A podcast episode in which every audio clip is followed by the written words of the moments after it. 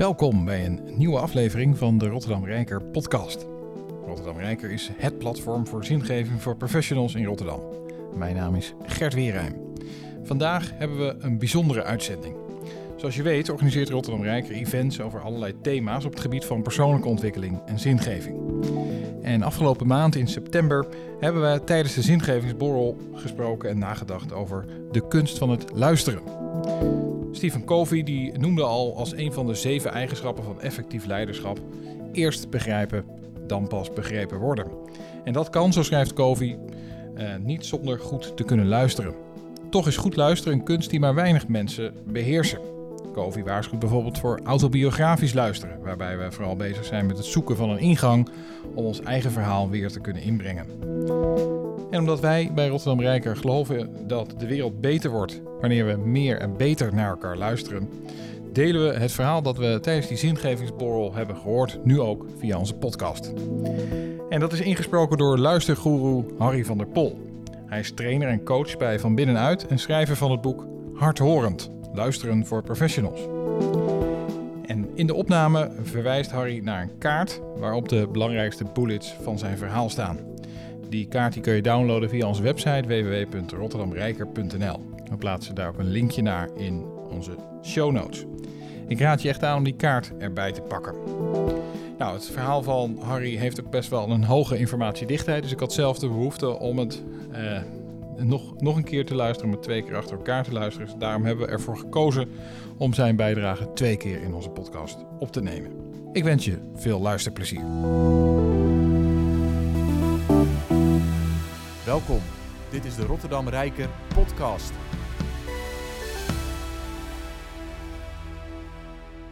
Fijn dat je even rustig zit.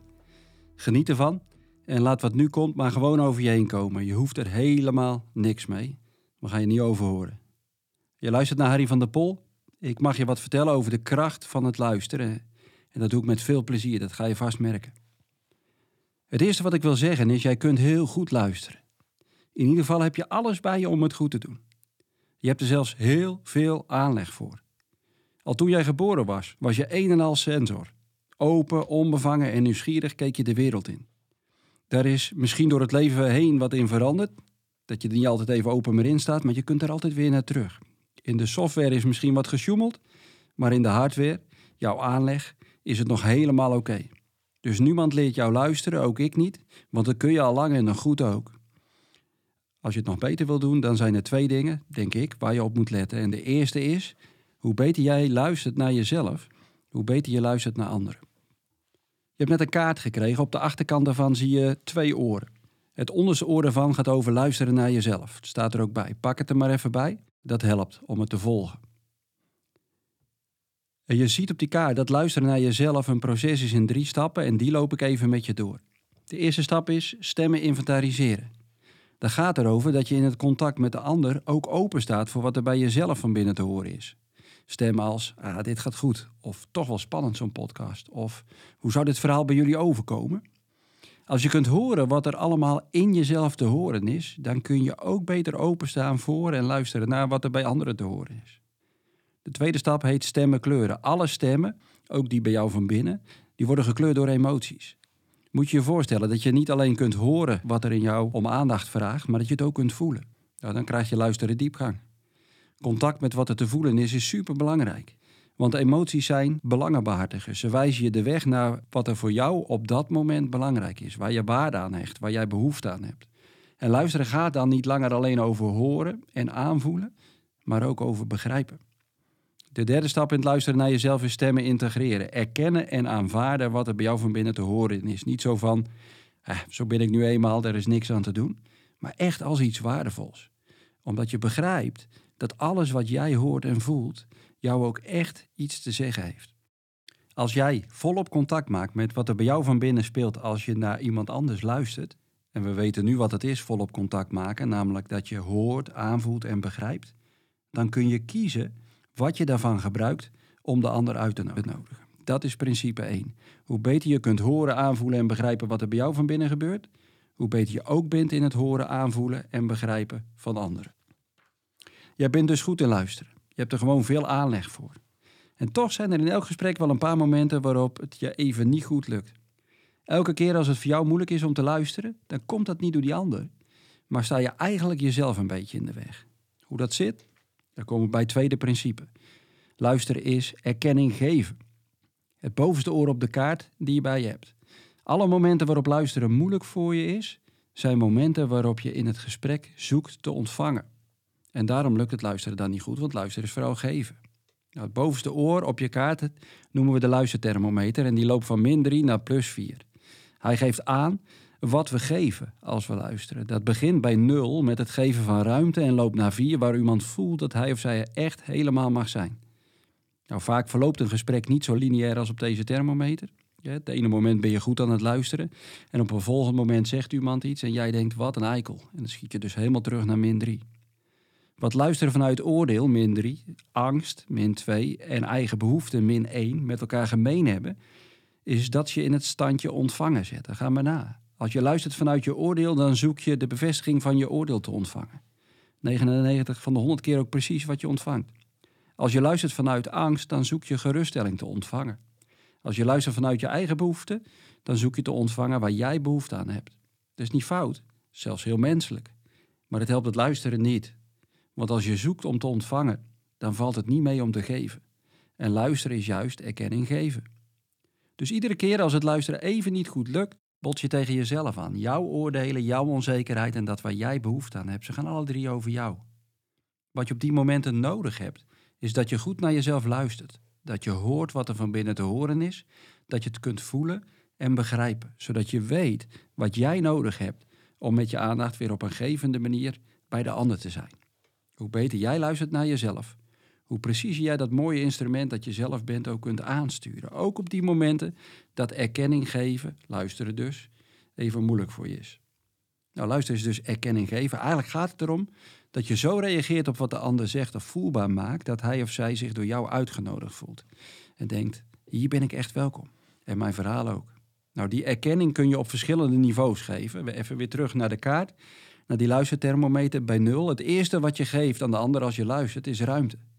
En dat is voor veel mensen al heel moeilijk. Want eigenlijk wachten ze op het moment dat ze zelf mogen spreken. Of ze zijn zo druk het gesprek met hun vragen aan het sturen waarheen zij willen, dat de ander helemaal geen ruimte voelt. Je geeft iemand echt een groot cadeau als je hem of haar de ruimte geeft om te spreken. Je kunt iemand ook erkenning geven voor wat hij of zij zegt, nummertje 1 op de luisterthermometer. En daarvoor hoef je het niet met hem eens te zijn. Waar het om gaat is dat de ander voelt dat je hem of haar hoort. Een vraag die je daarbij kan helpen is: wat hoor ik die ander vooral zeggen? Die vraag stel je hardop aan de ander, maar eigenlijk zacht op aan jezelf als je luistert. En het antwoord op die vraag breng je hardop in. En zo erken je wat de ander zegt. Als het je lukt om niet alleen ruimte te geven en te erkennen wat je bij de ander hoort, maar ook te erkennen hoe hij of zij zich voelt, dan heeft het iets onweerstaanbaars. De enthousiasteling gaat nog enthousiaster spreken. De verdrietige begint te huilen. De boze zoekt iets om mee te gooien en wie bang is, doet het in zijn broek als het je lukt om de voel terug te geven wat je aan emoties bij die ander waarneemt. Niet als iemand die op afstand blijft en een koude analyse maakt, dan voelt iemand zich eerder bekeken, maar als iemand die meevoelt. Een vraag die je kan helpen om dat te doen is: hoe moet het voor die ander zijn? Nou, stel je eens voor dat je niet alleen ruimte geeft en erkenning van wat er te horen en te voelen is, maar dat je ook kunt erkennen waar die ander behoefte aan heeft. Eén nou, ding weet ik zeker: dan gaan anderen je vinden met hun verhalen. De vraag die je kan helpen om te ontdekken wat er voor een ander op het spel staat, is de vraag: waar heeft hij of zij behoefte aan? Als je deze drie vragen, wat hoor ik haar vooral zeggen, hoe moet dat voor haar zijn, waar heeft zij behoefte aan, aan jezelf stelt terwijl je luistert naar die ander, dan helpt het enorm. Als je de antwoorden op die vragen hardop durft in te brengen in het contact met de ander, dan zal die zich uitgenodigd voelen. Je bent dan iemand die ruimte geeft, die hoort, die aanvoelt en begrijpt. Reken maar dat jouw gesprekken daar beter van worden.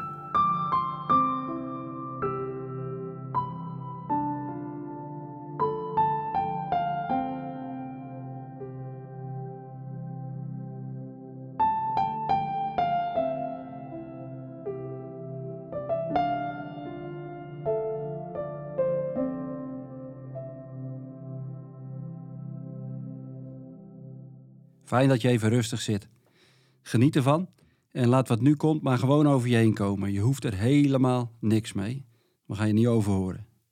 Je luistert naar Harry van der Pol. Ik mag je wat vertellen over de kracht van het luisteren. En dat doe ik met veel plezier, dat ga je vast merken. Het eerste wat ik wil zeggen is, jij kunt heel goed luisteren. In ieder geval heb je alles bij je om het goed te doen. Je hebt er zelfs heel veel aanleg voor. Al toen jij geboren was, was je een en al sensor. Open, onbevangen en nieuwsgierig keek je de wereld in. Daar is misschien door het leven heen wat in veranderd. Dat je er niet altijd even open meer in staat, maar je kunt er altijd weer naar terug. In de software is misschien wat gesjoemeld, maar in de hardware, jouw aanleg, is het nog helemaal oké. Dus niemand leert jou luisteren, ook ik niet, want dat kun je al lang en nog goed ook. Als je het nog beter wil doen, dan zijn er twee dingen, denk ik, waar je op moet letten. En de eerste is, hoe beter jij luistert naar jezelf, hoe beter je luistert naar anderen. Je hebt net een kaart gekregen. Op de achterkant daarvan zie je twee oren. Het onderste oor daarvan gaat over luisteren naar jezelf. Het staat er ook bij. Pak het er maar even bij. Dat helpt om het te volgen. En je ziet op die kaart dat luisteren naar jezelf een proces is in drie stappen en die loop ik even met je door. De eerste stap is stemmen inventariseren. Dat gaat erover dat je in het contact met de ander ook open staat voor wat er bij jezelf van binnen te horen is. Stemmen als, ah, dit gaat goed, of toch wel spannend zo'n podcast, of hoe zou dit verhaal bij jullie overkomen? Als je kunt horen wat er allemaal in jezelf te horen is, dan kun je ook beter openstaan voor en luisteren naar wat er bij anderen te horen is. De tweede stap heet stemmen kleuren. Alle stemmen, ook die bij jou van binnen, die worden gekleurd door emoties. Moet je je voorstellen dat je niet alleen kunt horen wat er in jou om aandacht vraagt, maar dat je het ook kunt voelen. Nou, dan krijg je luisteren diepgang. Contact met wat er te voelen is, is superbelangrijk. Want emoties zijn belangenbehartigers. Ze wijzen je de weg naar wat er voor jou op dat moment belangrijk is. Waar je waarde aan hecht, waar jij behoefte aan hebt. En luisteren gaat dan niet langer alleen over horen en aanvoelen, maar ook over begrijpen. De derde stap in het luisteren naar jezelf is stemmen integreren. Erkennen en aanvaarden wat er bij jou van binnen te horen is. Niet zo van, eh, zo ben ik nu eenmaal, er is niks aan te doen. Maar echt als iets waardevols. Omdat je begrijpt dat alles wat jij hoort en voelt jou ook echt iets te zeggen heeft. Als jij volop contact maakt met wat er bij jou van binnen speelt als je naar iemand anders luistert, en we weten nu wat het is volop contact maken, namelijk dat je hoort, aanvoelt en begrijpt, dan kun je kiezen wat je daarvan gebruikt om de ander uit te nodigen. Dat is principe 1. Hoe beter je kunt horen, aanvoelen en begrijpen wat er bij jou van binnen gebeurt, hoe beter je ook bent in het horen, aanvoelen en begrijpen van anderen. Jij bent dus goed in luisteren. Je hebt er gewoon veel aanleg voor. En toch zijn er in elk gesprek wel een paar momenten waarop het je even niet goed lukt.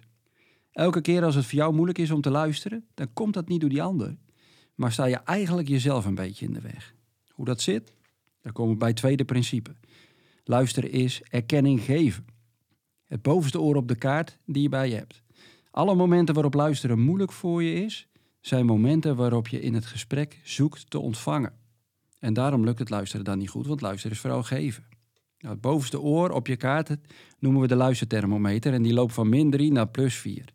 Hij geeft aan wat we geven als we luisteren. Dat begint bij 0 met het geven van ruimte en loopt naar 4 waar iemand voelt dat hij of zij echt helemaal mag zijn. Nou, vaak verloopt een gesprek niet zo lineair als op deze thermometer. Ja, het ene moment ben je goed aan het luisteren en op een volgend moment zegt iemand iets en jij denkt wat een eikel. En dan schiet je dus helemaal terug naar min 3. Wat luisteren vanuit oordeel, min 3, angst, min 2 en eigen behoeften, min 1, met elkaar gemeen hebben, is dat je in het standje ontvangen zet. Ga maar na. Als je luistert vanuit je oordeel, dan zoek je de bevestiging van je oordeel te ontvangen. 99 van de 100 keer ook precies wat je ontvangt. Als je luistert vanuit angst, dan zoek je geruststelling te ontvangen. Als je luistert vanuit je eigen behoeften, dan zoek je te ontvangen waar jij behoefte aan hebt. Dat is niet fout, zelfs heel menselijk. Maar het helpt het luisteren niet. Want als je zoekt om te ontvangen, dan valt het niet mee om te geven. En luisteren is juist erkenning geven. Dus iedere keer als het luisteren even niet goed lukt, bots je tegen jezelf aan. Jouw oordelen, jouw onzekerheid en dat waar jij behoefte aan hebt, ze gaan alle drie over jou. Wat je op die momenten nodig hebt, is dat je goed naar jezelf luistert. Dat je hoort wat er van binnen te horen is, dat je het kunt voelen en begrijpen, zodat je weet wat jij nodig hebt om met je aandacht weer op een gevende manier bij de ander te zijn. Hoe beter jij luistert naar jezelf, hoe preciezer jij dat mooie instrument dat je zelf bent ook kunt aansturen. Ook op die momenten dat erkenning geven, luisteren dus, even moeilijk voor je is. Nou, luister is dus erkenning geven. Eigenlijk gaat het erom dat je zo reageert op wat de ander zegt of voelbaar maakt dat hij of zij zich door jou uitgenodigd voelt. En denkt, hier ben ik echt welkom. En mijn verhaal ook. Nou, die erkenning kun je op verschillende niveaus geven. We even weer terug naar de kaart, naar die luisterthermometer bij nul. Het eerste wat je geeft aan de ander als je luistert is ruimte. En dat is voor veel mensen al heel moeilijk.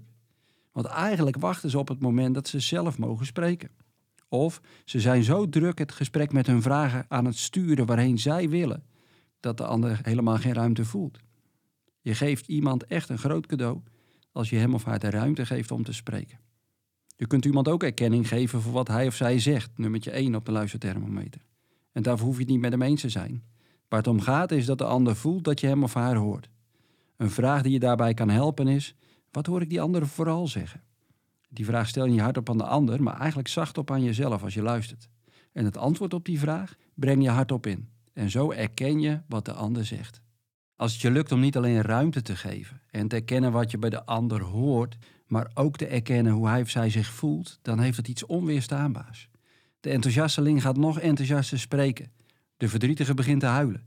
De boze zoekt iets om mee te gooien en wie bang is, doet het in zijn broek als het je lukt om de voel terug te geven wat je aan emoties bij die ander waarneemt. Niet als iemand die op afstand blijft en een koude analyse maakt, dan voelt iemand zich eerder bekeken, maar als iemand die meevoelt. Een vraag die je kan helpen om dat te doen is: hoe moet het voor die ander zijn? Nou, stel je eens voor dat je niet alleen ruimte geeft en erkenning van wat er te horen en te voelen is, maar dat je ook kunt erkennen waar die ander behoefte aan heeft. Eén nou, ding weet ik zeker: dan gaan anderen je vinden met hun verhalen.